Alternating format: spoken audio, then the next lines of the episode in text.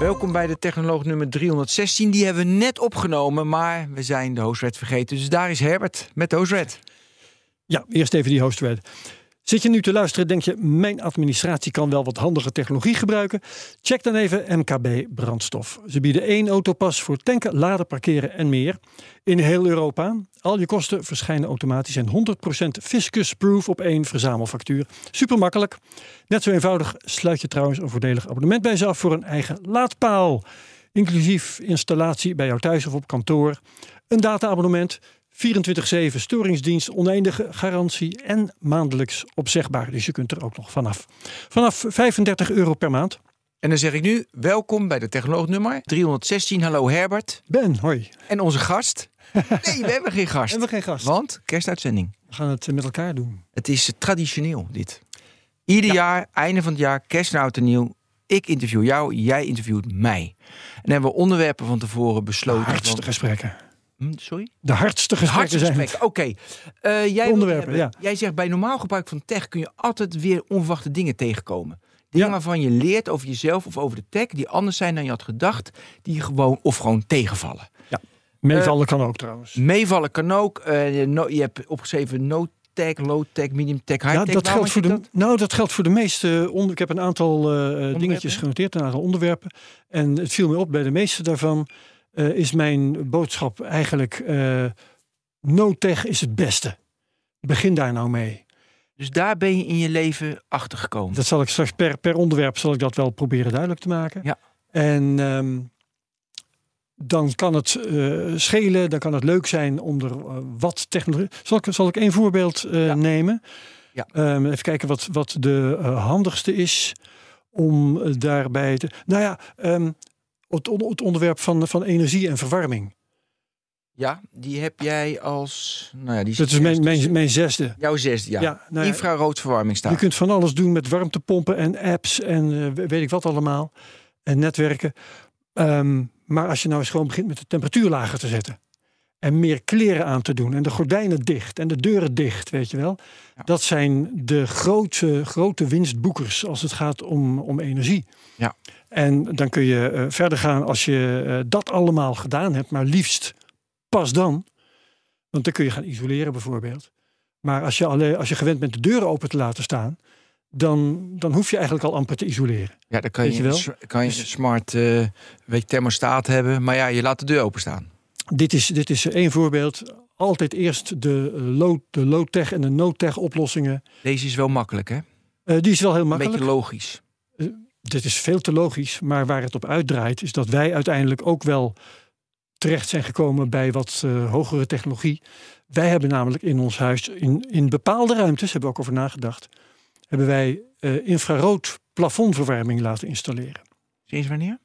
Eh, ja, dit jaar. Dus dat hebben we, ik denk in, in mei of zo is er iemand voor langs geweest. In elk geval tussen de, de winters in.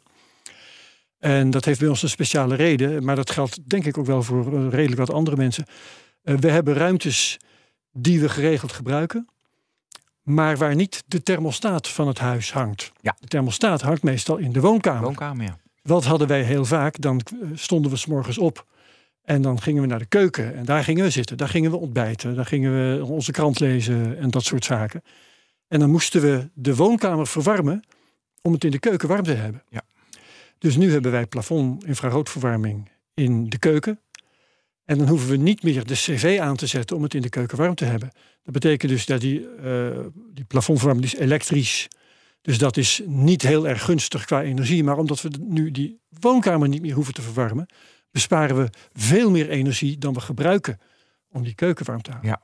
Dus eh, dat soort dingen, daar heb ik het over. Eh, eerst zorgen dat de boel dat je je kleren aan hebt, zeg maar. En eh, de, de, de, de gordijnen dicht en eh, je huis geïsoleerd, al, al dat soort zaken. En dan pas eh, grijpen naar de technologie. Ben je de laatste decennia ook achtergekomen dat je steeds meer naar no-tech toe wil? Dat je daar naartoe groeit? Dat je denkt van, Ja. laat maar even in vergelijking met decennia terug. Dat je dacht van, wow, wat is dat mooi gaaf. Ja, zeker. En Zeker. waaraan merk je dat? Ehm, behalve aan dit voorbeeld, ga ik gewoon even in mijn, in mijn, eh, Ja, in mijn ja. eh, lijstje kijken. Eh, nou, Nou, een Michelin-kaart. Jij hebt heel graag Het navigeren. ja, navigeren. Gebruik je toch liever gewoon een kaart, kan ik niet voorstellen. Dat kan jij je niet voorstellen. Nee, natuurlijk niet. Maar ik heb daar ook een heel sterk eerlijk. voorbeeld van. Oh, vertel. Wij, nou, wij waren de afgelopen zomer in Frankrijk. En daar, nou, we hadden een, een huisje gehuurd. Dus we zaten op een bepaald adres. En een van de dingen die we zouden gaan doen, we zouden naar de Mont Ventoux. Wie? 100 kilometer. Dus wij leggen dat voor aan, ehm, even denken aan wie we dat hebben voorgelegd, aan de navigatie in mijn auto, wat een hoofdstuk apart is trouwens. Ja, dan moet je, dat, ja, die zijn dramatisch altijd. In ieder geval, nou ja, ik heb een Mercedes, dan verwacht je iets goeds, maar eh, oké. Dus die gingen we dat laten uitrekenen en die kwam op de proppen met de route van, ik geloof, 165 kilometer. En die zou twee uur en drie kwartier duren. En dat vergeleek je toen met Google Maps? En toen hebben we hetzelfde aan? Google Maps eh, gevraagd. En die kwam met een eh, veel kortere route. En ook eentje die een half uur eh, korter duurde. Ja. En toen keek ik naar de route die Google Maps mij gaf. En gewoon ja, met vingerspitsengevoel, eh, met ervaring ook van wat pak een beetje 50 jaar kaartlezen die ik heb. En ik dacht dat moet sneller kunnen, dat moet korter kunnen. En toen heb ik de Michelin-kaart erbij gepakt. En heb ik gewoon op het oog eh, heb ik een, eh, een route bij elkaar eh, gepuzzeld. Het slaat nergens op. Vervolgens ben ik, de, ik, heb, ik heb een lijstje gemaakt met de hand. Ja? Een lijstje van plaatsnamen en van wegnummers die die plaatsen verbonden. Dus gewoon de route die ik wilde gaan rijden. En daarmee ben ik in de auto gestapt, in mijn eentje in dit geval. En ik heb net twee uur gereden, dus drie kwartier korter dan wat mijn auto zelf wilde. Ehm, het was 100 kilometer. eh, en ook nog 10 minuten of zo korter dan Google Maps. En ik heb niet één keer heb ik hoeven stilstaan. Gewoon telkens het volgende dorp, die Ja. dat wegnummer. Ja, ik ga even hier, eh, hier tegenin. Want als ik met mijn vrouw in de auto zit, dan zegt ze altijd, je moet hier links-rechts. Dan zeg ik, nu ga je een eh 100 miljard dollar industrie, ga jij verbeteren in je uppie. Get real. Dat ga je niet lukken. Dus ik geloof dit niet. Ik geloof altijd dat dat technologie met satellieten en al die miljarden die ze instoppen met Ik heb het niet aan Die één die navigatiesysteem gevraagd. Ik heb het aan twee navigatiesystemen die gevraagd. auto snap ik, want die is niet online en dat is allemaal- maar Google Maps Ja. is toch wel Ze hebben allemaal, en, en dat kun je soms achterhalen en soms niet. Ik heb er in dit geval geen moeite voor gedaan. Ehm, die dingen hebben instellingen, hè? die dingen hebben eh, Ja. richtlijnen. En een richtlijn kan zijn, die, wat hier in, in Nederland ontzettend goed werkt, vermijd de bebouwde kom. doorwegen. Nou, als je in Frankrijk de bebouwde kom wilt vermijden, veel geluk. Hè, want alle eh, snelwegen lopen noord-zuid en ik moest oost-west. Ja. Dus als je dan zegt, ik ga de snelwegen nemen en de bebouwde kom vermijden, ja, dan, dan neem je waanzinnige omwegen. En neem je de kortste weg, de snelste weg, ja, dan moet je door bebouwde kommen heen. Maar jij bent dus anders. echt overtuigd. Dus ik ben ervan overtuigd, jij gaat dat niet winnen van een milj- miljardenindustrie. Maar jij bent ervan overtuigd dat jij echt sneller was, een, een effectievere weg had dan. In dit geval. In dit geval. In dit geval. Ik eh, weet heus wel dat in sommige gevallen de navigator het sneller eh, vindt. Eh, misschien wel een betere route vindt. Dat is allemaal. ik zeg niet dat ik dat altijd win. Nee. Maar ik vind wel dat je erbij moet blijven. Ja. Weet je, loopt erop. En ik heb een ander voorbeeld ook. Want ik, eh, ik hou ook van fietsen. Die, die autorit was trouwens ook om ergens te komen waar ik ging fietsen natuurlijk. Maar dat terzijde. Ik heb ook op een gegeven moment een, eh, een route uitgezet. Een eh, rondrit van 100 kilometer eh, dichter in de buurt van waar wij dan eh, zaten met ons huurhuisje. Ehm, en toen was de vraag, hoe ga ik mij laten assisteren? En ik heb eh, heel lang, ben ik er voorstander van geweest om die Michelin-kaart bij me te hebben.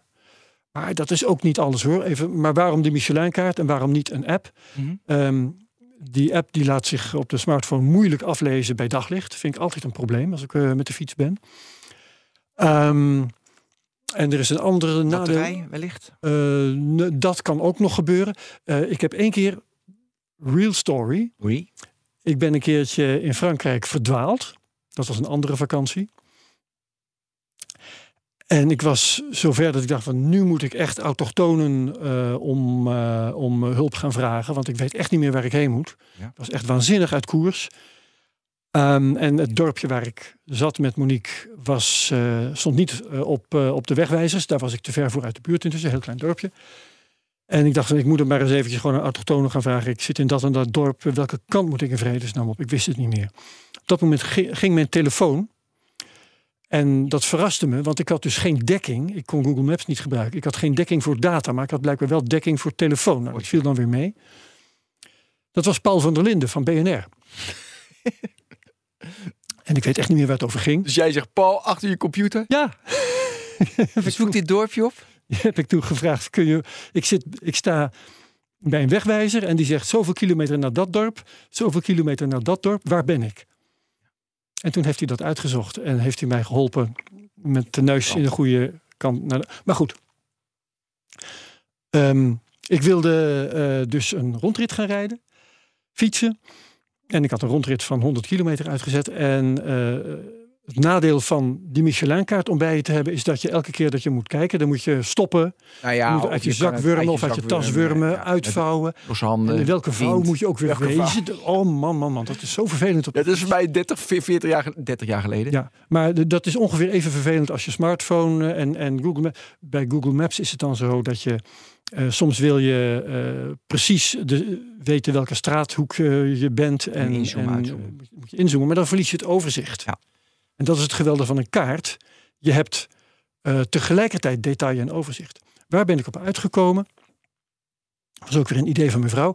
Ik maak een foto van de Michelin-kaart. Ja. Van precies het kleine ja. stukje Michelin-kaart waar ik denk te gaan rondrijden. Dat is dus een fractie van die geweldige, dat geweldige laken van, van papier dat je altijd moet uitvouwen. En uh, dan pak ik mijn smartphone en ik zet hem aan. Ik heb meteen het, het goede gebied. Ik kan nog een beetje inzoomen en uitzoomen, maar ja. de mate van detail blijft hetzelfde. En ik heb, eh, als ik uitzoom, heb ik meteen overzicht, want het is precies het gebied waar ik rondrijd. Dus dat, dat is op dit moment mijn ideale oplossing.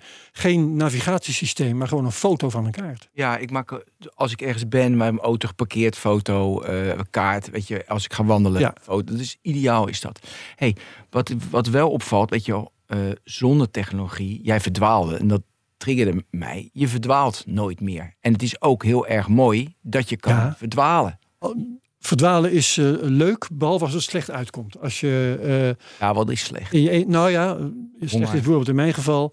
Als ik alleen ben gaan fietsen en mijn vrouw is achtergebleven. Uh, ik ben verdwaald um, en ik heb zeker nog een uur nodig om thuis te komen. Terwijl het moment dat ik thuis zou zijn er al is. Maakt zich ongerust. Dat wordt vervelend. Ja. Weet je wel, dus op zo'n moment uh, komt het slecht uit en dan moet je ook weer kunnen bellen. In dit geval, dus voor uh, dat geval waar Paul mij uit de brand hielp, was het nog extra gecompliceerd. Want ik wist dat waar wij woonden, uh, daar was helemaal geen dekking, ook niet voor de telefoon. Dus ik kon haar ook niet bellen. Ja. Ik, toevallig kon iemand uit Nederland mij wel bellen, maar ik kon mijn vrouw niet Het bellen. is toch mooi dat dat nog voorkomt. Weet je, ik mis vaak gewoon dat dat voorkomt. Dat je gewoon helemaal niets en je weet niet waar je naartoe gaat, je weet niet hoe lang het duurt, je weet niet waar je bent. Maar dat, dat, dat is. Dat, dat heeft, dat heeft zijn charme. Dat heeft zijn charme. Dat dat nog wel. Ja, staat ja. niet meer. We hadden dat laatst in Frankrijk trouwens ook. We waren dit keer samen waren we gaan wandelen. En we hadden een route gevolgd. Waarvan we dachten dat die rond zou gaan. En op een gegeven moment keken we om ons heen en we dachten, we, vol, ja, er, er is iets mis. Hier klopt iets niet. Het begon donker te worden. En uh, toen hebben wij, wat we expres eerst niet hadden gedaan, hebben wij de GPS maar eens aangezet. Hadden we godzijdank wel dekking. En uh, maps ook erbij. En toen waren we, ik weet niet hoe ver uit koers. En toen hebben we echt uh, drie kwartier moeten lopen of zoiets om onze auto terug te vinden. En toen vonden we nog, dat was wel mooi. Achteraf vonden we het mooi. Maar toen wij daar liepen en het was donker aan het worden. Ja. En we liepen langs een weg waar auto's met grote snelheid voorbij kwamen. En wij hadden geen verlichting of iets dergelijks aan ons lijf dat was toch even niet comfortabel. Nee, klopt. Ja, ja. oké. Okay, um, een van de onderwerpen was de bestraling van Monique, van jouw vrouw. Ja, nou dat is uh, niet een onderwerp waarvan ik zeg, doe het maar low-tech. nee, want dat was high-tech. Ja, uh, zij heeft uh, in 2006 is er een tumor in haar hoofd ontdekt en die is toen operatief verwijderd. so far so good, het was goedaardig. Niks in je hoofd is goedaardig trouwens, kan ik je vertellen. Maar het goedaardige is dat er dan geen uitzaaiingen zijn. Um, en dat had wel lange termijn gevolgen. Dat was allemaal, nee, nee dat was uh, niet, niet prettig. Maar oké, okay, ze heeft een redelijk normaal leven verder uh, kunnen leiden tot uh, nu toe. En vorig, nee, ik moet zeggen, ja, vorig jaar bleek dat die tumor weer zijn kop opstak. Mhm. En nu was opereren, ik zal niet alle details eh, zal ik, eh, tevoorschijn halen, maar opereren was geen optie en er werd gekozen voor bestralen. En wat ik dan interessant vind om te vertellen, dat is de manier waarop die bestraling werd aangepakt. Want eh, ja, je kunt eh, gewoon in één bundel kun je bestralen. En eh, als je slimmer bent, dan kun je zeggen van we weten waar die tumor ongeveer zit en je wilt gezond weefsel niet doodmaken, maar de tumor wel. Dus dan kun je uit verschillende richtingen tegelijk bestralen. Of verschillende richtingen achtereenvolgens. Zodat de tumor in de focus zit en alle weefsel daaromheen krijgt maar kleine beetjes. Ehm, en dit was nou eigenlijk weer het summum daarvan. Want met scans is er een 3D-beeld gemaakt van wat er dus aan tumor aanwezig was. En eh, er is een eh, route bedacht, ook weer in 3D, voor de stralingsbron om haar hoofd heen. We maken met scans een 3D-beeld van haar hoofd met de tumor. Ja. Waar die zit. Ja. En dan gaan ze ook weer simulaties maken hoe ze het beste kunnen. Ja, dat wordt allemaal uitgerekend. Eh, Joost mag weten hoe. Maar Gaaf Behalve van knap. ja, het, het is knap. Zeker weten. En het mooiste vond ik nog wel dat wij op een gegeven moment een, ehm, een video te zien kregen van hoe het zou gaan. Want ze hadden dus na allerlei rekenpartijen hadden ze de ideale bestraling, hè, de mate van bestraling en de route en noem maar op, hadden ze bedacht. En dan konden we meekijken hoe de stralingsbron om haar hoofd heen zou bewegen. Dus echt om, eh, je, je- zag jezelf bewegen om de scan van, echt van haar hoofd. En ehm, een detail dat ik nooit zal vergeten is dat eh, je als het ware door een sleutelgat keek naar de plek van de tumor. Ja. En terwijl de stralingsbron om dat hoofd heen bewoog, zag je dat sleutelgat continu van vorm veranderen. Door die bestraling. Nee, niet door de bestraling, maar om de bestraling precies daar te laten komen waar je moest wezen. Dus je, stel je even een, een, een extreem geval voor. Stel de tumor heeft de vorm van een sigaar. Ja. Hè, dan wil je dus dat eh, vanaf de ene plek dat het sleutelgat de vorm heeft van een spleet. Want dan kijk je precies tegen de lengte van die sig- sigaar aan. En vanaf de andere plek, 90 graden verderop, wil je dat hij een, de vorm heeft van een dubbeltje of iets dergelijks. Iets ronds en kleins. Omdat je dan tegen de, het uiteinde van de sigaar aankijkt. Nou, in werkelijkheid is het natuurlijk veel ingewikkelder. Daarom was dat sleutelgat ook veel ingewikkelder. En het veranderde van vorm op een hele ingewikkelde manier. Maar ik vond dat fascinerend. En ik viel ach- achterover van respect voor de mensen die dat dan bedacht hebben en dat Nou, dan uitvoeren. Ongelooflijk. Ja. Dus hij veranderde dan in de vorm. Ik vind die sigaar een heel mooi voorbeeld. Zag je dus dat sleutelgat dus aansteken. Dat veranderde dan. Heel bijzonder. Voor stralen gaan daar, gaan daar doorheen? Nou, we hebben nog mogen kiezen ook. Dat was een hele discussie. En uiteindelijk was het, eh, ik zou bijna zeggen lood om ijzer. Het, het, verschilde weinig. Maar we konden kiezen tussen protonenstraling en röntgenstraling. En dat, dat noemen ze dan fotonen waarschijnlijk omdat ze het woord röntgenstraling niet zo lekker vinden klinken. Nou, daar heb ik helemaal geen boodschap aan. Ik heb toen gevraagd, jongens, wat is het? Ik ben fysicus, vertel mij gewoon even wat het is. Röntgenstraling.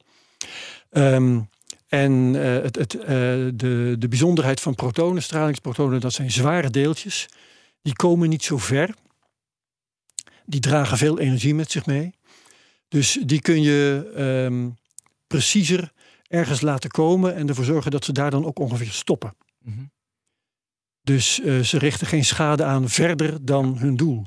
Terwijl die röntgenstraling, die hebben ja, van datgene waar ze doorheen trekken een stuk minder last. Dus die kun je eigenlijk niet beletten om ook voorbij de tumor schade aan te richten. Ehm, maar goed, er zijn meer verschillen. Dit is er één. En eh, als je alles uitrekent, ja, dan eh, maakt het in ons geval weinig uit. En kwamen uiteindelijk de radiologen op, me- eh, op de proppen met een lichte voorkeur voor de, de röntgenstraling. Ja. Maar goed, dat is verder een detail. Ja. En is het allemaal goed verlopen? De- Ehm, de, de behandeling is eh, geslaagd in zoverre, eh, Monique, de gezichtsvermogen was aangetast. En dat is eh, behoorlijk hersteld. Er zijn wel ehm, lange termijn, er, er zijn, hoe noem je dat, nevenschade is er voorspeld. Mhm. En die is er ook inderdaad gekomen. En wat jammer is, dat is dat de nevenschade, daarvan hadden ze gezegd, het zal waarschijnlijk wel weer herstellen, maar dat gebeurt niet. Ja. Dus de nevenschade die Monique al had van de vorige operatie in 2006, die is nu als het ware versterkt. En dan heb je te maken met dingen als eh, vermoeidheid en hoofdpijn en concentratieproblemen en hele lichte dingetjes eh, die met taal te maken hebben. Ja. En mensen die haar tegenkomen op straat of op wat voor receptie of eh, bij familiebijeenkomst, dan ook, die merken dat helemaal niet. Maar zij wel en ik ook. Hoe, hoe, hoe kijk jij naar de ontwikkeling van de techniek in de gezondheidszorg? Gaat die, vind jij die langzamer gaan of snel? Ik vind de adoptie altijd zo langzaam gaan. Het is een heel mooi voorbeeld. Is Ja. high-tech, dat gaat goed. Maar heel, als we het al over het EPD hebben, weet je wel, dan eh, denk je al van jeetje, wat een, wat een gedoe allemaal. Dat is iets wat, eh, ja. eh, Hoe komt het volgens jou dat, dat daar weinig... eh, Nou ja, dat, dat eh, onderschat wordt telkens weer eh, hoe ingewikkeld technologie eigenlijk is om het, om het echt te realiseren, om iets werkends te realiseren. Jij denkt dan aan het EPD, waar ik aan denk, telkens weer als het om de vermogens van de medische technologie gaat, dat is de microrobotjes in de bloedbaan. Ja, spannend altijd. Daar Dat wordt is ook verschrikkelijk over spannend, ze komen alleen nooit. Ehm, Dus dat staat nu al vast. Nou, dat zeg ik.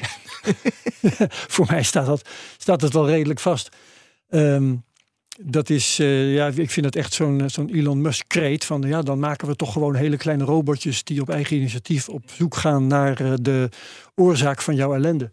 Daar heb je Daniel. En we Daniel, jongens. Hij is even wat later, maar dan heb je toch wel Daar heb je ook, echt wat. Onze Ja. Ik redacteur, ben er, ik ben er. Ik ben je er. bent er. Mooi. En? Wat, Oh. Gaat goed? Ja. Hadden het over de, de adoptie van technologie in de gezondheidssector. En, voor, en Herbert heeft al de stelling geponeerd. Die robotjes in je bloedbaan komt er nooit. Wat denk jij? Ik ben het met hem eens. Goed zo. Ja, ik ben altijd de, de optimist. optimist. Ik ben de optimist. Ik, de- ik denk, ja, waarom niet? Geef het een kans. Ja. Eh, Ik geef het ook een kans, maar dat doe ik al 50 jaar. Hebben we het al over de Pieter Roelsema gehad? nee. Nee, nee, dit is, eh, ja. nee dat, is, dat is voor eh, de volgende week als ik ben op de ja, dat vind ik een van de meest fascinerende. ja, oké, want dat vind ik een beetje hetzelfde. Ja, het is, eh, en dat is, daar geloof ik wel in. Brain implants. Gaaf. Ja, oké, dus dat doen we volgende week. doen we volgende week. Eh, Dus nee, dat- die, die robotjes. en ja, je moet die robotjes heel klein maken. Ze moeten zichzelf besturen. Of je moet een manier vinden om ze te besturen. Ze moeten goed van kwaad kunnen onderscheiden. Ze moeten ook geen eh, last veroorzaken, natuurlijk. Ja.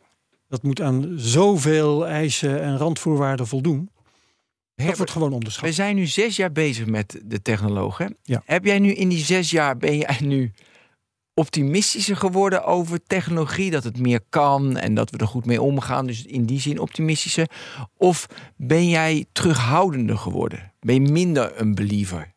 Eh, nou, ik was nog niet zo heel erg een believer. Nee, dat weet ik. Maar, dat, is dat afgenomen of toegenomen? Ik vind het ook een beetje mijn, mijn missie om te zeggen van nou, eh, bewijs het maar. Hè. Eh, laat maar zien. Ja. In plaats van ik bij, dat ik bij voorbaat ga zitten geloven in toekomstbeelden die worden geschetst. Daar, daar ben ik niet voor. Ehm, ben ik daar...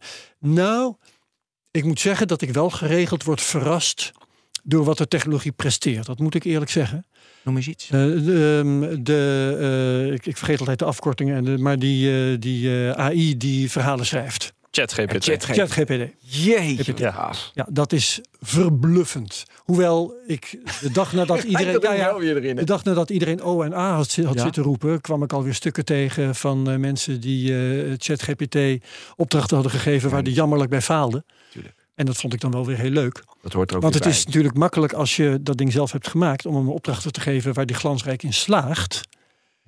En geeft de mensen die hem hebben gemaakt dus ongelijk. Want die moeten natuurlijk ook de volgende keer hun, eh, hun grant weer binnenhalen. Ja. Maar ik ben me er altijd heel erg van bewust. En dat is misschien ook wel goed om, om er even eh, bij te halen. eh, van de belangen van de technologie. En de mechanismen die zitten achter de manier waarop het wordt gepresenteerd.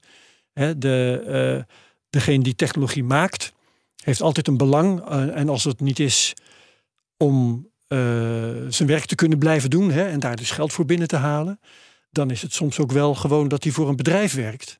En dat het bedrijf zijn belangen heeft en eh, zijn producten heeft te verkopen en zijn eh, in- eigen industrie heeft te beschermen. Wat dat betreft zijn we eh, decennia lang genaaid door de olieindustrie. Ja. En de inzichten, zogenaamd tussen vette aanhalingstekens van de olieindustrie, als het ging om het klimaat.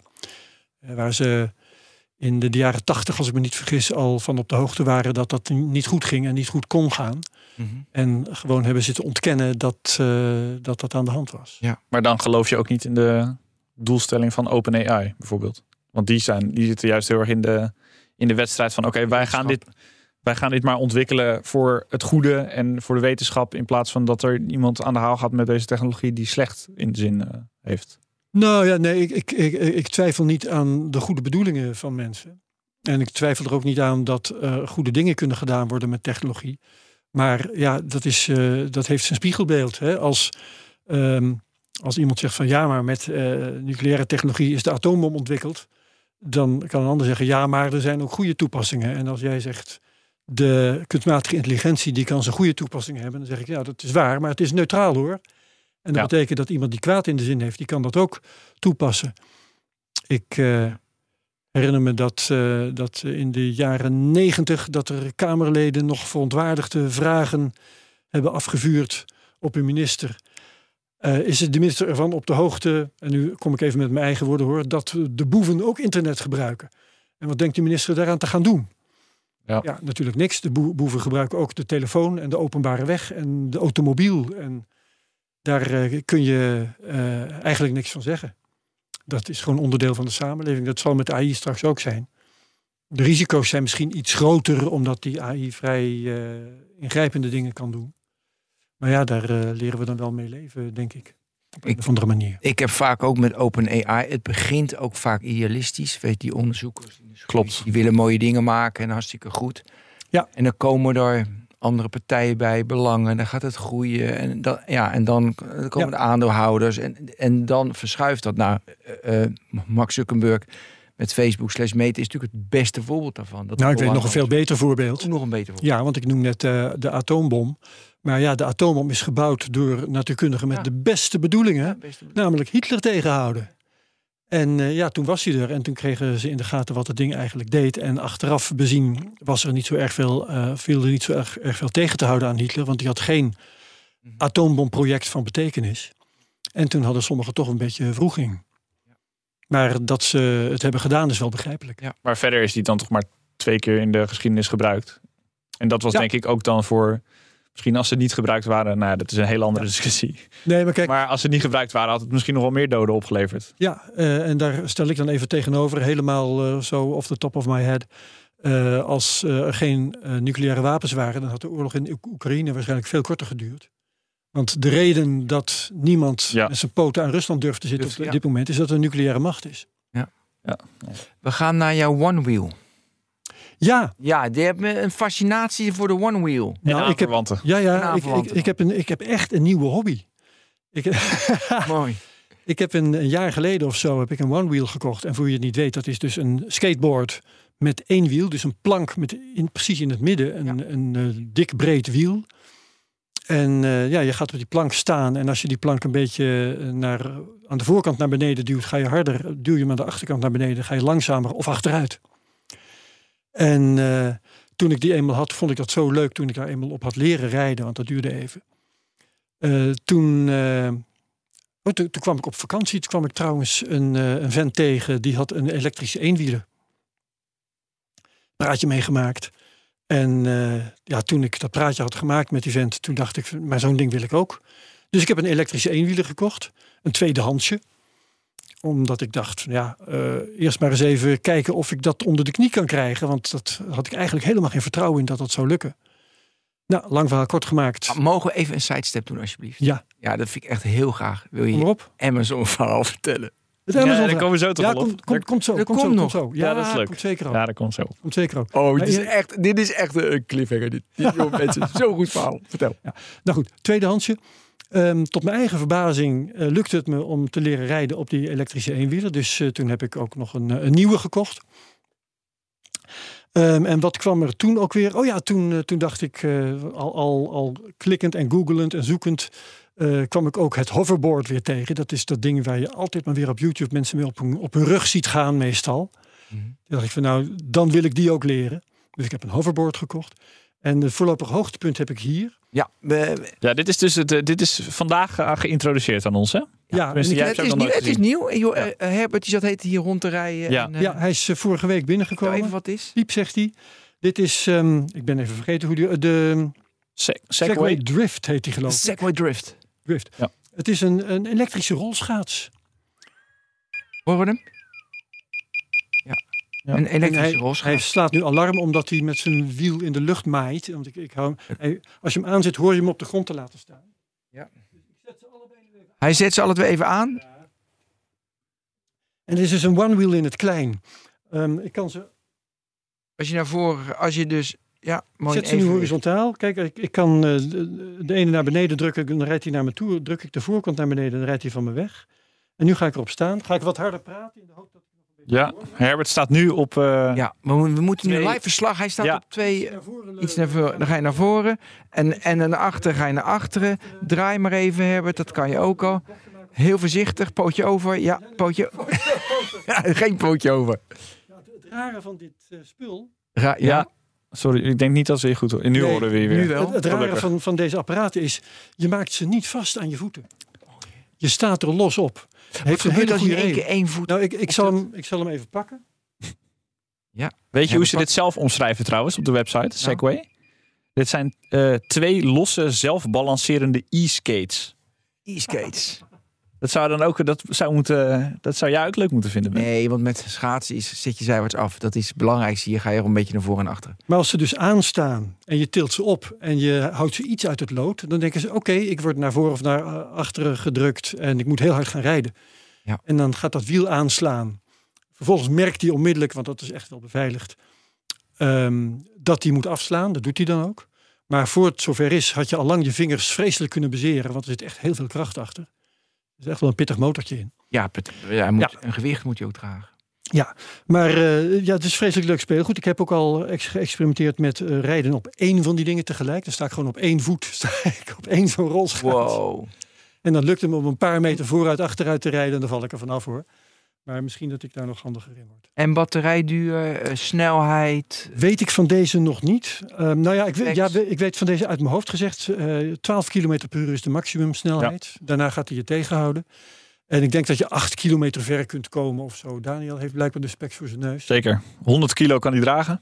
Maar het, je hebt het allemaal goed. Ja, ja, ja, ja, één zo'n ding kan 100 kilo dragen. Hè? Dus als je 200 kilo weegt en je hebt er twee, Ja, is dat zo? Ja, Ja, ja, ja. Oké, ja. dat heb ik ergens nog gecheckt. Oké. Omdat ik eh, op één wilde kunnen staan, heb ik gekeken of die mijn 70 kilo, of één van die dingen dat kon dragen. En dat was het geval. Maar Herbert, is dit nou is dit een gimmick? Of is dit Ja. een, een, een, een, Een nieuwe trend. een, nieuwe, een- ja, of een nieuwe, een nieuwe trend en eh, zeg maar een alternatief op lopen, op fietsen? Ja, oké. Ehm, ik vind de- deze dingen, die rolschaats, vind ik een gimmick. Oké. Eh, ik heb niet het idee dat het heel erg praktisch is. Op straat merk ik onmiddellijk dat eh eh, trottoirs, klinkers en zo, dat is echt heel lastig rijden. Want je hebt een heel klein wieltje. Dat vinden ze bij Segway zelf overigens niet hoor, dat het een gimmick is. Nee, logisch. Nee, want ze hebben wat te verkopen. Wat voor alternatief zeggen ze dat het is? Het is alternatief voor wat? Eh, nou, drie keer, het is drie beter? keer sneller dan lopen. Oké, ze, ver- ze vergelijken het met lopen. Het is zo makkelijk als lopen. Het enige wat ik ervoor kan zeggen is, eh, ik krijg dat nog mee in de trein. Want de andere apparaten die ik heb zijn zo zwaar dat het eigenlijk niet praktisch is in de trein. Hoverboard is 16 kilo. eh, mijn eenwieler Ja, is moet je 10 gooien. en de one wheel is 12 of 14 of zo. Dat is veel te veel gesjouw. Er zit ook regulering. eh, Het mag allemaal niet, hè? Eh, het mag niet, je, het is illegaal op straat. Nou is de pakkans niet zo vreselijk groot, zeker niet waar ik woon. Maar ehm, ik heb begrepen van nou iemand die ik ken hier in Amsterdam, die wel eens met zijn hoverboard de straat op is gegaan, dat hij al twee keer is bekeurd. Dus in Amsterdam is de pakkans wat groter. Vind je dat ook niet kinderachtig? We moeten Ja. toch juist stimuleren dat mensen alternatief... Nou, het is niet alleen kinderachtig, het is gewoon heel dom en onterecht. Want het zijn dingen die eigenlijk sorry, helemaal niet gevaarlijker zijn eh, dan fietsen. Je hebt fietsen en je hebt e-bikes, die mogen allemaal wel. Daarmee rij je een kilometer of 20, 25. Denk je, e-bikes, die ge- ongelukken die daar Daar gebeuren ja. ongelukken mee. Als je iets zou moeten verbieden, is het dat. Eh, met deze dingen, nou ja, met deze rolschaatsen rij je dus 12 kilometer. Met, ehm, even uit mijn hoofd gezegd, de hoverboard. Dat is dus die, eh, de onderkant van de grasmaaier, zeg maar, hè, waar je op staat. Ja. Eh, ga je tussen de 10 en de 15 kilometer ook, denk ik. Eh, heel veel harder wordt het niet, 16 misschien. One wheel kun je 30 halen, dat is al vrij heftig. Maar ja, dan kun je zeggen 30, dat, dat is een bromfiets. Dan, zet je, dan moet je dus een helm op. Ja. Misschien kun je gewrichtsbescherming, elleboog, kniebescherming voorschrijven. Maar dan moet je toch gewoon op de fietspaden kunnen. Dat mag een scooter ook. Maar je mag toch wel skileren gewoon in het openbaar? Ja, volgens mij wel. Ja, die gaan nog veel harder. En alleen omdat er geen i Ja. is dan. Dus het is Ja. volstrekt onredelijk. het slaat Maar nergens er is toch ook een, eh, een website volgens mij voor? Ja, legaalrijden.nl. Daar ga ik even En naartoe. ik heb daar al contact mee. En wat gaan die doen? Ehm, die, nou ja, die eh, voeren actie, die, eh, die eh, bewerken Den Haag. Die proberen een beetje te Sterker nog, het laatste, de laatste blogpost van 17 Is van mij. december is legaal maar niet verzekerbaar Herbert Blankenstein. En Ja. dat is Herbert in de zomer op zijn one wheel. Dat hebben ze even vergeten mij te vertellen, maar daar heb ik inderdaad onlangs ingeleverd, dus dat kan kloppen. Ja. Dat is leuk. Ehm, dus ehm legaalrijden.nl, eh, waar waren we gebleven? Nou, we waren gebleven dat het eigenlijk legaal Oh ja, legaal. zou moeten zijn. Ja, en in eh, vrijwel alle landen om ons heen mag het wel op een of andere manier. Ik heb het voor Frankrijk uitgezocht. Daar mag je eh, in de bebouwde kom, even eenvoudig gezegd, mag je er gewoon mee rondrijden als je verzekerd bent. In Zweden mag je ermee rijden, worden ze in feite als fietsen beschouwd, als ik me niet vergis. In Oostenrijk, eh, deze landen trouwens, omdat ik daarheen op vakantie ga. Dat, eh, dus dan weet je waarom ik zo'n rare selectie heb. Maar in, in Oostenrijk mag het dus ook. Ehm, en er wordt gewoon niet moeilijk over gedaan. En in Nederland wordt er alleen maar moeilijk over gedaan. Terwijl het eh, hele handige vervoermiddelen Maar ja, zijn. denk je als het nu wel legaal zou zijn dat een stuk meer mensen dat gaan doen? Nee, toch? Ja, ik denk dat het... Ja, denk je dat? Ja, dat denk ik wel. Ja. Eh, kijk, het het niet. ligt er een beetje aan. Nee, ik denk maar luister, Ik heb natuurlijk een eh, wat, eh, wat eigenaardige voorkeur. Ja, Maar in deze... Ja, ja dat klopt. Zeker. Nou, oké. Zijn we het eens daarover. Ehm, maar wat de meeste mensen zouden kiezen als deze categorie eh, voertuigen legaal, dat, dat was het stepje. Oh, ja, de elektrische step. op dit moment ook niet. De elektrische step, die valt daar ook onder. En dat vinden mensen heel erg handig. Mhm. En ja, de, de, wat je dan meesleept in het geweld, dat zijn deze rare dingen ja, voor, eh, voor eh, vreemde vogels zoals ik zelf. Zit daar een beetje handel in, in dat Segway eh, als bedrijf? Of, eh, Dat weet ik eigenlijk niet. Nou, ze hebben wel een vestiging in Nederland in elk geval. Daar komt dit gewoon vandaan. Ja. Dus eh, Maar gemaakt in China waarschijnlijk. En ja, ja, ja. Een hele simpele Alles technologie. wordt gefabriceerd in China, dus Ja. dit ook. Ja, maar goed, dit, ik even opzoeken, Ben. zijn eh, leuke. Wat zeg je? Dat ga ik even opzoeken. En, oh ja, hier staat nog geen apps. Ja, dat is wel grappig om bij op te merken. Sommige van deze apparaten komen met apps. De hoverboard komt met een app. De One Wheel komt met een app. En nou, mijn stiefzoon die een eh, One Wheel had voordat ik hem had, hij heeft mij op het hele idee gebracht. Dus het is allemaal zijn schuld. Eh, die gebruikt daar een app bij die je gewoon gratis erbij kunt downloaden. En dan kun je je tochten bijhouden en het totaal kilometrage. En je kunt eh, contact zoeken met anderen die er ook een hebben. En tochten organiseren en al je routes opslaan. Ik weet niet wat allemaal. En ik doe mijn uiterste best om die dingen niet te gebruiken. Ehm, die van de hoverboard ook niet. Waarom niet? Eh, omdat allerlei gegevens. In de eerste plaats omdat ik de ervaring heb dat ik dat verder niet gebruik. Ik heb heel lang van mijn eigen fietstochten. Heb ik de routes opgeslagen. Ik vond het leuk. Oh, dat kan. En dan ga ik dat bewaren. Want ik ben handig met technologie. Eh, tot ik ontdekte dat ik een geweldige collectie fietsroutes had verzameld. En dat ik daar nooit of te nimmer wat mee deed. Het eigenlijk ook helemaal niet interessant vond. Ze staan waarschijnlijk nog ergens op, eh, op mijn Google eh. Maar toen dacht ik, ja, waar- waarom zou ik mezelf dat eigenlijk aandoen? Ik zit elke keer zit ik die app mee te nemen en zorgen dat mijn telefoon is opgeladen en eh, die routes te downloaden en veilig op te slaan en te backuppen. Het is een ontzettend hoop werk en je doet er helemaal niks mee. En verder lever je je gegevens in bij degene die jou die app heeft gegeven. Ja. En dat Inmiddels ik ook een Chinees bedrijf, Segway. Oh, dat is heerlijk. Dan zou ik zeker die app downloaden. Dan zou ik die app zeker Nou. Is het echt Chinese aandeelhouders? Ja, Chine overgenomen door Chinezen, was Amerikaan. Nee, maar En dat is dus mijn, mijn principe ook weer. eh, ik vind fietsen geweldig. Dus eh, ik, voor alles stap ik het liefst op de fiets. Eh, en daarna ga ik, eh, low, ik beschouw dit als low-tech. Hè, dus is, weliswaar zit er een hele hoop elektronica in natuurlijk. En ehm, hoe heet die dingen? Accelerometers om eh, ervoor te zorgen dat ze weten wanneer je waterpas bent. En wanneer je helt en wanneer je dreigt te vallen. En al dat soort, soort dingen meer. Maar ehm, dit, is, eh, dit is maar half technologie. Want verder ben je gewoon buiten, weet je wel. eh, met je knar in de regen. En eh, je gaat de last mile van A naar B om te voorkomen dat je een auto onder je kont hebt zitten. Met nog veel meer technologie en veel meer energiegebruik. Ja. Dus dit is dan, ik zal maar eens even zeggen, de low of the medium tech vergeleken met de high tech van de auto. Is het dan tijd voor het Amazon verhaal? Het Oh, Amazon verhaal. Dat is. Nou, ik moet even inleiden, ja. Doe maar. Dus Herbert eh, stuurde een mail met een, een Amazon verhaal. En eh, ja, en dat was een heel bizar verhaal. En dat is nog nooit in het openbaar verschenen. En nu gaat hij het uit de doeken doen wat het Amazon verhaal is. Het gaat trouwens als column verschijnen in PC Active, Ja? waar ik columnist ben. Maar, oh, eh, mooi. Oké, maar deze- nu, we hebben de primeur. Je hebt de primeur. Exclusief in de technoloog. Je hebt de primeur. Behalve dat ik er, heb ik erover getwitterd, weet eigenlijk niet eens. Misschien wel niet. Maar in ieder geval, ja, Heel veel beginnen. Het is echt goed. Ik, eh, ik wilde een eh, elektrische eenwieler kopen. Ja. Dus ik zoeken waar kan ik een elektrische eenwieler kopen. En eh, nou ja, uiteindelijk vond ik iets wat mij wel aanstond bij Amazon.nl. En bij Amazon, ik dacht van, nou ja, goed, dat, dat ziet er goed uit. Goede prijs. de type is ongeveer wat ik zoek. Bestellen, betalen en afwachten. En ik had besteld en betaald en was begonnen met afwachten. En toen kwam er eigenlijk meteen dezelfde avond of de ochtend daarna kwam er een bericht dat de eh, verkoper, en dat was een partner van Amazon, dat was niet Amazon zelf. Amazon Ja, werkt met, met partners voor allerlei Precies, ja. eh, Ze hebben producten. gewoon hoeveel procent? 80 procent? Heel veel, ja. Echt, echt heel veel. De partner had de overeenkomst opgezegd. Hè, dus eh, afbesteld. Ik dacht, waarom doet een bedrijf dat? Dat is vreemd. Ja. En eh, ik eh, ga nakijken. Ehm, en eh, Nou, heel, erg. Dat Ja. zou dus kunnen dat ze hem bijvoorbeeld nog op de site hadden staan. ja, Maar uiteindelijk was die net verkocht en dat was niet goed in de inventory management. Was niet goed gegaan, waardoor ze hem niet meer hadden. dat, dat Ik zou ga nog- van het goede uit. Ja, deze, deze dingen zijn heel vaak uitverkocht, want iedereen heeft tekort aan onderdelen en zo. Hè, dus eh, de, het aanbod is heel gering. Ehm, dus ik meteen naar die pagina om te kijken wat is er aan de hand. Stond die daar nog steeds stond er nog. voor 2,5 keer de prijs. Ja, tuurlijk. De demand was hoog. Dus ik, wat, mijn hypothese op dat moment was, ehm, ze, hebben on- ze, hebben, ze hadden de prijs verhoogd, hadden vergeten dat op de site neer te zetten, kregen mijn bestelling, dachten, hoeps, eh, dit gaan we corrigeren en eh, meteen maar even die bestelling annuleren, dan kunnen we hopelijk 2,5 keer zoveel vangen van dezelfde meneer. Ja. Ehm, maar dat bleek helemaal niet aan de hand te zijn.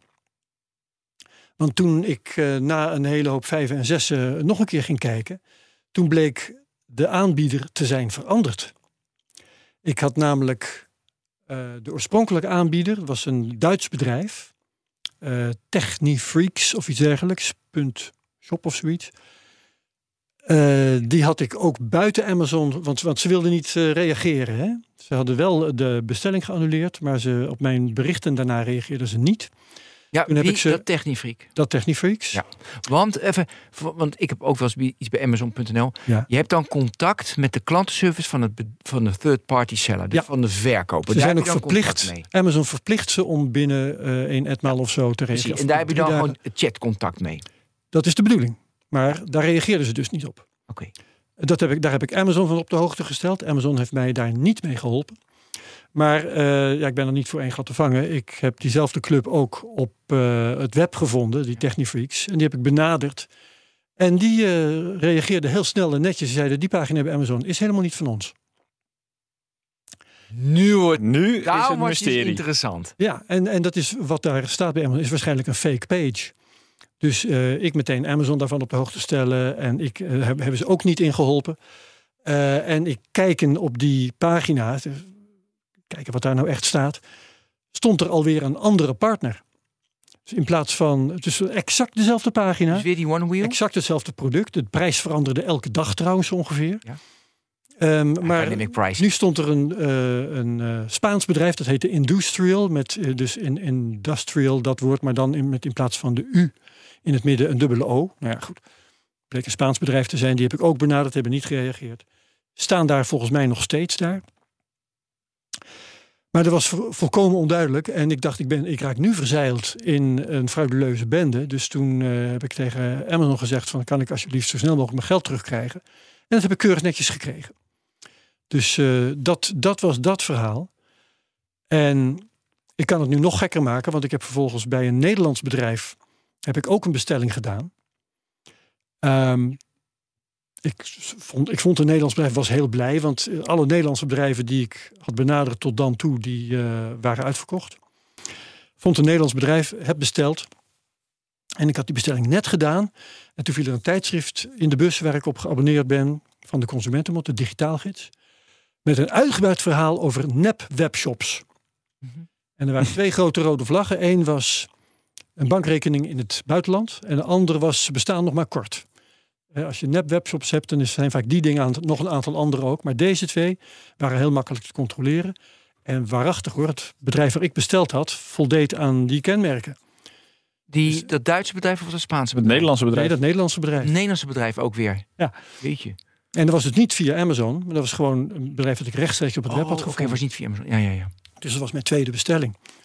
En uh, ze hadden op de, die site, die er ook wel een beetje fishy uitzag, vond ik, hadden ze een, uh, een klantenservice en een chatmogelijkheid. En ik begon daar te chatten. En binnen de kortste keren had ik contact met, ja, toch duidelijk een levend persoon, geen chatbot of zo. Met iemand die ik uh, vanaf dat moment, ik geloof al twee, drie weken lang, een paar keer per week heb gesproken. En ik werd steeds bozer. En hij, had, en hij zei van, ja, hij is binnengekomen hoor. En weer een paar dagen later van, nou, hij is verstuurd hoor. En weer een paar dagen later kwam er een bericht van TP, uh, hoe heet ze, PostNL. Uh, dat er een, een, label was gemaakt, of zo'n soort, in elk geval dat de procedure om te verzenden ook was begonnen. Maar toen ik dat beter ging checken, bleek er helemaal nog niks aangekomen te zijn bij, TPG, bij, uh, bij PostNL. Ja. Dit verhaal eindigde ermee dat ik rechtstreeks contact, want het ging uh, in dit geval om een product van Segway, de Ninebot. Yes. Een uh, elektrische eenwieler van Segway. Uh, dat ik Segway Nederland direct heb benaderd van kennen jullie dit bedrijf eigenlijk en hebben die bij jullie wel een product voor mij besteld? En daar heb ik geen reactie op gehad, maar de volgende dag had ik van dat bedrijf waar ik besteld had mijn geld terug. Heeft Segway hm. misschien toch dat bedrijf maar je geld. Wat er precies gebeurd is, Hoe weet ik bedrijf? niet. Bestaan ze nog? Ja, dat, dat, ga, dat ga ik niet zeggen, omdat ik niet nee. kan uitsluiten dat ze toch wel bona fide zijn. Want mijn theorie uiteindelijk is dat dit bedrijf heeft gedacht: we incasseren gewoon het geld van die meneer. We houden die meneer zo lang mogelijk aan het lijntje. Door eh, zo, zo langzaam mogelijk te doen alsof ja. de zaak vordert. En al die tijd hopen wij dat we zelf zo'n ding binnenkrijgen. Oh, Om dat misschien vroeg of laat alsnog nog, uh, te kunnen leveren. Mijn conclusie? Ja. E-commerce, dat gaat nooit wat worden. ah, dit is toch wel. Het derde verhaal, en dan moeten we hier echt over ophouden. Dat zal ik het zo kort Ja. mogelijk proberen. Ik ben weer naar Amazon gegaan. Heb weer een eenwieler gevonden. Eh, en, eh, want ik dacht, ik krijg toch mijn geld terug. Ik kan het altijd proberen. En toen gebeurde bij Amazon net zo'n geschiedenis als nu net dat tweede verhaal met een Nederlandse bedrijf dat mij aan het lijntje hield. Ja. Eh, en dat ging zover dat uiteindelijk Amazon mij berichtte van als die en die dag eh, het ding niet geleverd is, dan krijg je je geld terug. Nou, die dag die kwam en die ging voorbij. En de volgende dag was ik er nog niet aan toegekomen om met Amazon contact op te nemen om mijn geld eh, terug te eisen. En Monique en ik gingen de deur uit voor een wandeling en we struikelen over een reusachtige doos. Is het ding dus toch geleverd?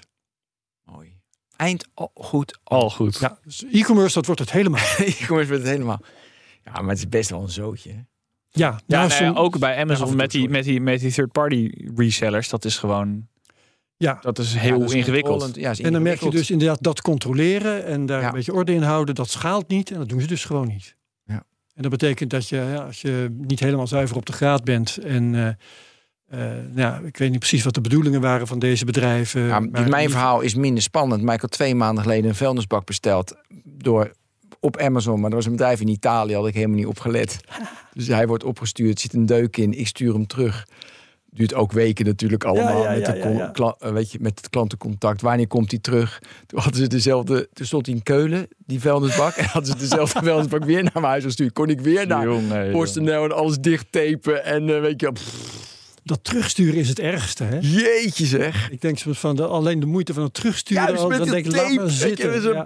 eh, en ik heb, eh, ik heb policy. Geniet met papier werken. Dus ik heb geen printer meer thuis. Dus dan moet ik naar de printshop in Soest. Dat is echt dramatisch. Ja. Oké, eh, we gaan het hebben over media in de auto. Met name Bluetooth. Jij hebt eh, Ja, een liefde verhouding met Bluetooth in de auto. Ja, en dat is altijd gesodemieter geweest. Want uh, nee, ik heb het dus al redelijk wat auto's. Ik heb in, in twee jaar tijd heb ik drie auto's gehad. Dat komt omdat ik één auto vrij kort had. Maar uh, ik heb nu een auto waarin uh, vrij veel goed gaat, moet ik eerlijk zeggen. En wat het, het, ja, en Mercedes S-klasse, vind je het gek? ik heb bij Herbert in de auto gezet. Geen S-klasse, wat zeg je? Ik heb bij Herbert in de auto gezet, dus ik weet precies. Ja, kan ik een beetje rijden? Ja, redelijk. maar ja, het fascineerde vooral hoe je, uh, hoe je met muziek omgaat. Maar dat ga je volgens nou, ja. Dat, ja. ja. Oh, nou ja. Nu al lachen, ik ben benieuwd. Ja. Ik vind het dus heerlijk om een auto te hebben met een, met een paar USB-poorten.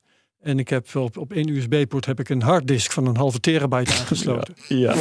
Met, met eigenhandig gedownloade shit. Ja. En ik kan dus werkelijk een, een half jaar lang kan ik continu rijden. En hoef ik nooit twee keer hetzelfde ja, Volgens mij echt dag en nacht. 32.000 nummers of zo. Ja, heeft ze geteld, ja. ja, ja en, maar er staat er dan gewoon uh, 7000 van 32.000 zijn we nog aan het luisteren. Maar je streamt toch gewoon Spotify in de auto? Ik, ik snap niet. Dus zou je zeggen van wel, maar... maar nee, dat, dat, dat vind ik dus niks.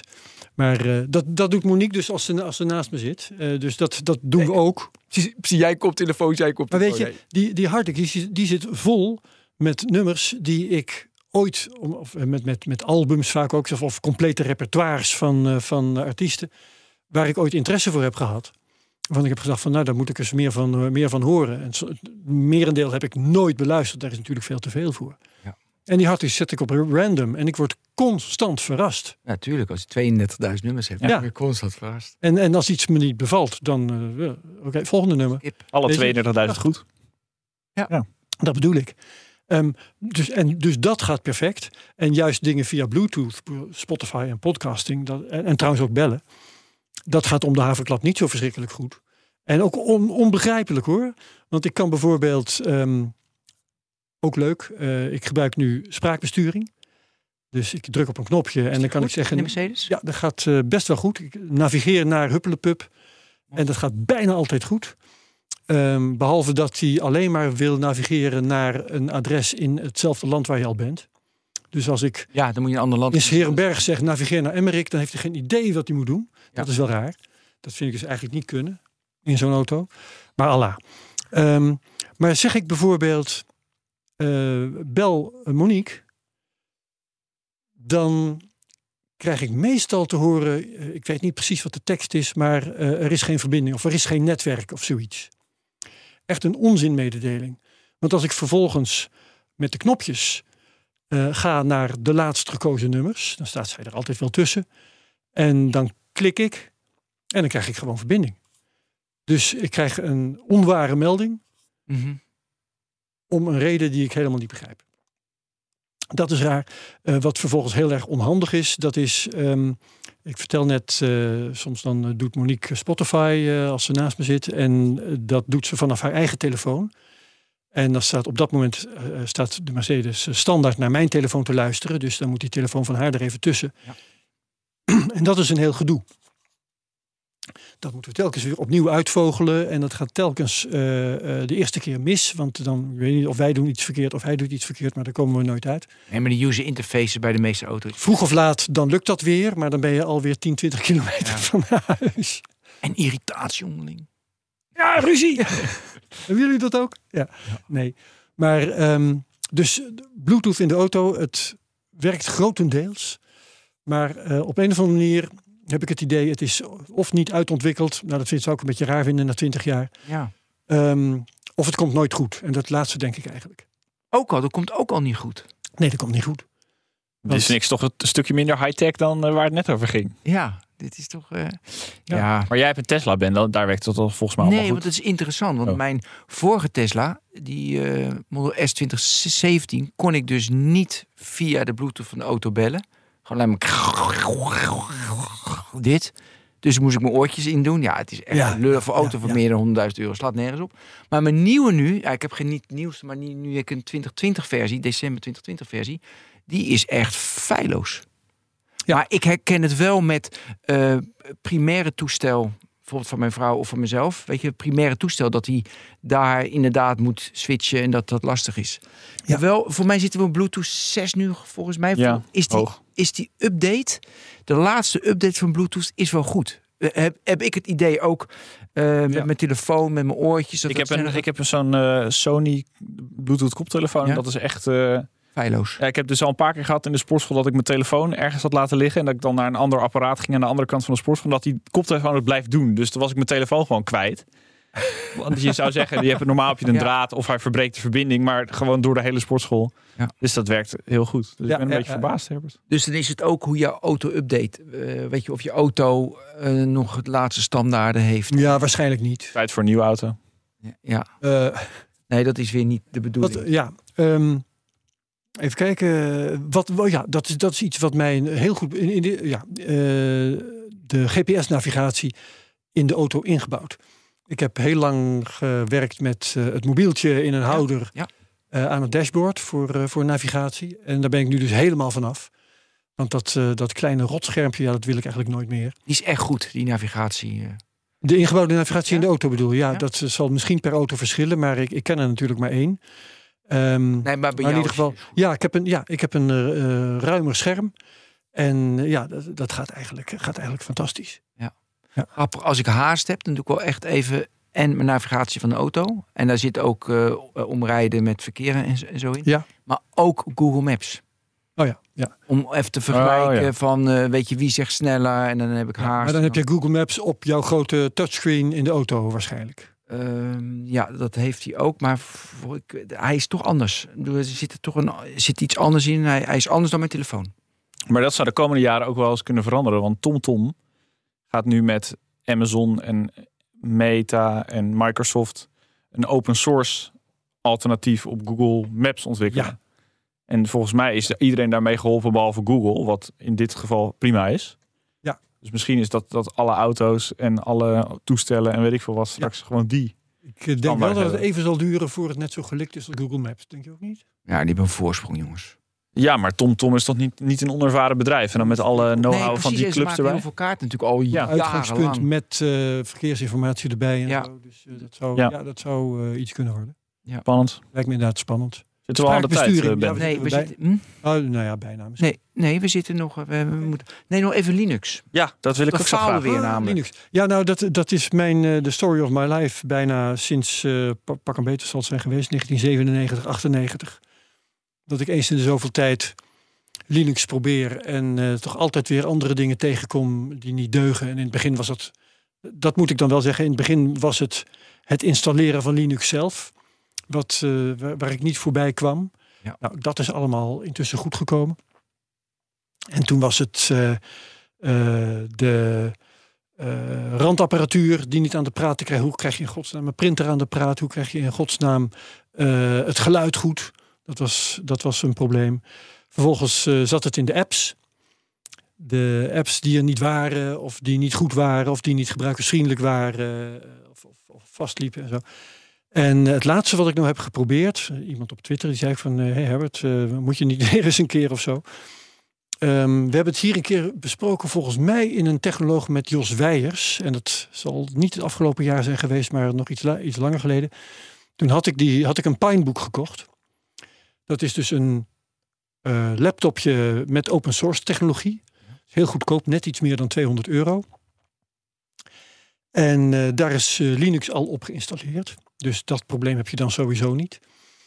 En laatst dacht ik van, weet je wat ik eigenlijk moet doen? Ik moet eigenlijk zorgen dat ik eh, dat ding zo ehm, prepareer dat ik hem kan gebruiken als onderwegcomputer. Als ik naar BNR ga bijvoorbeeld, weet je wel, ik hoef, er, ik hoef er geen video op te monteren, ik hoef er geen audio op te monteren, maar ik moet eh, eh, de browser kunnen gebruiken, ik moet tekstverwerking kunnen gebruiken, ik moet kunnen mailen, weet je wel, en wat communicatie, dus misschien een WhatsApp-kloon, eh, misschien Signal. En ehm, dus eh, ik ben begonnen om dat in orde te maken. En ja, ik, liep er eigenlijk al in de fase van het installeren van software tegenaan. Dan heb je de browser natuurlijk vrij intensief nodig, omdat je pakketten moet gaan binnenhalen. Eh, dat, ik, eh, dat die browser de hele tijd vastliep. Ik gebruikte Firefox en die liep constant vast.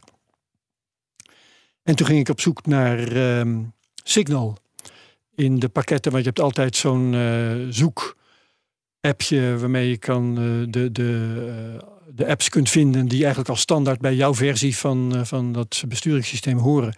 En daar kon ik hele Signal niet in vinden. En toen dacht ik, van, ik geloof dat ik hem nu eigenlijk al wel kan ophouden.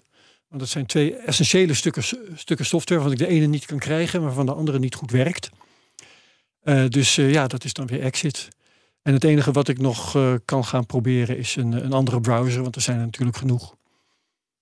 Ehm, maar ja, als Firefox al niet werkt op Linux, welke browser zou dan wel werken, weet je Moeten wel? we niet een keer een Linux-technoloog maken? Ik zit nu ineens van, Ja, ik weet er echt veel te weinig van. Weet je? Uitstekend idee. Ja, dat is- lijkt me... Experts genoeg, denk ik. Hè? Ja, dat Oh ja. is een goeie, ja. Ja.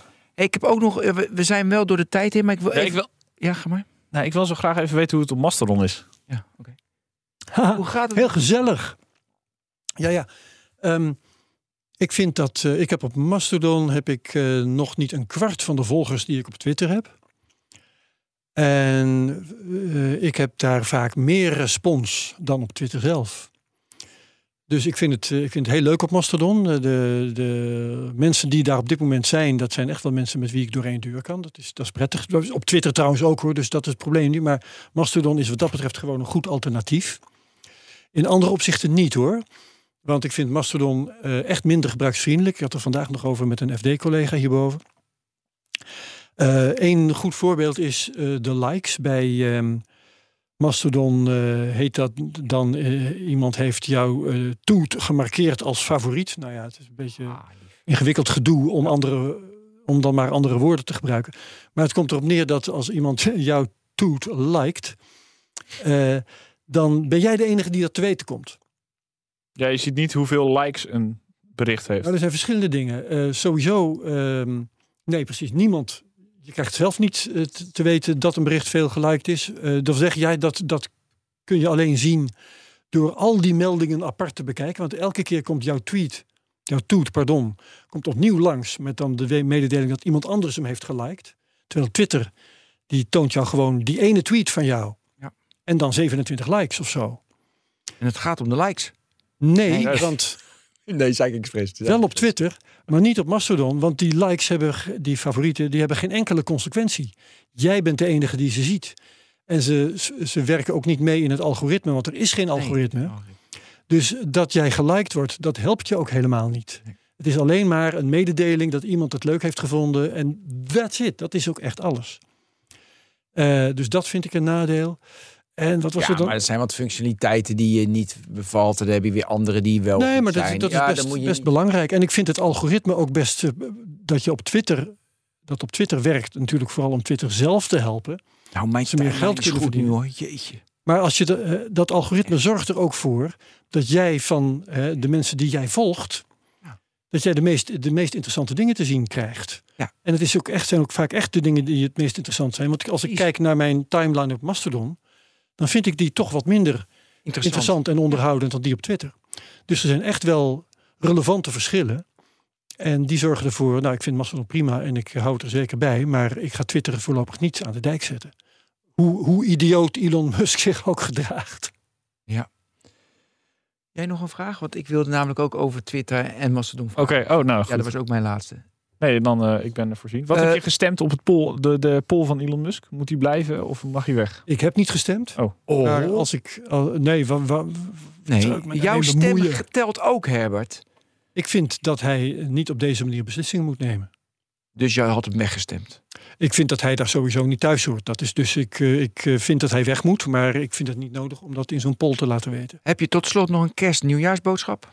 Aan de? Ehm, even kijken. ook. Ik heb notabene, in mijn overzichtje heb ik iets over goede voornemens gezegd. En dan denk ik, wat was mijn goede voornemen ook weer?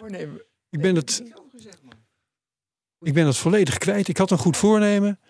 Nee, dat staat er echt niet in. Als, we- als ik het me straks herinner, dan, ik, ik ga dat volgende. We gaan nu over een paar minuten gaan we beginnen aan de technoloog van de volgende week. En dan, En dan meld je hem. dan Goede ga ik voornemen. mijn goede voornemen nog even doorgeven. Ik hoop voor dat de volgende week. achterkom. Gewoon de, Ja, de, de Alpe d'Huez eh, sneller dan eh, Pantani. Dat is het tof. dat lijkt me uitstekend voor. Daar heb ik heel veel eh, EPO voor nodig. Daarom gewoon heel veel EPO gebruiken. Zo makkelijk. Oké, dit was technoloog nummer 316. Daniel bedankt. Herbert bedankt. Ben bedankt. Ook. Oké, hoi hoi.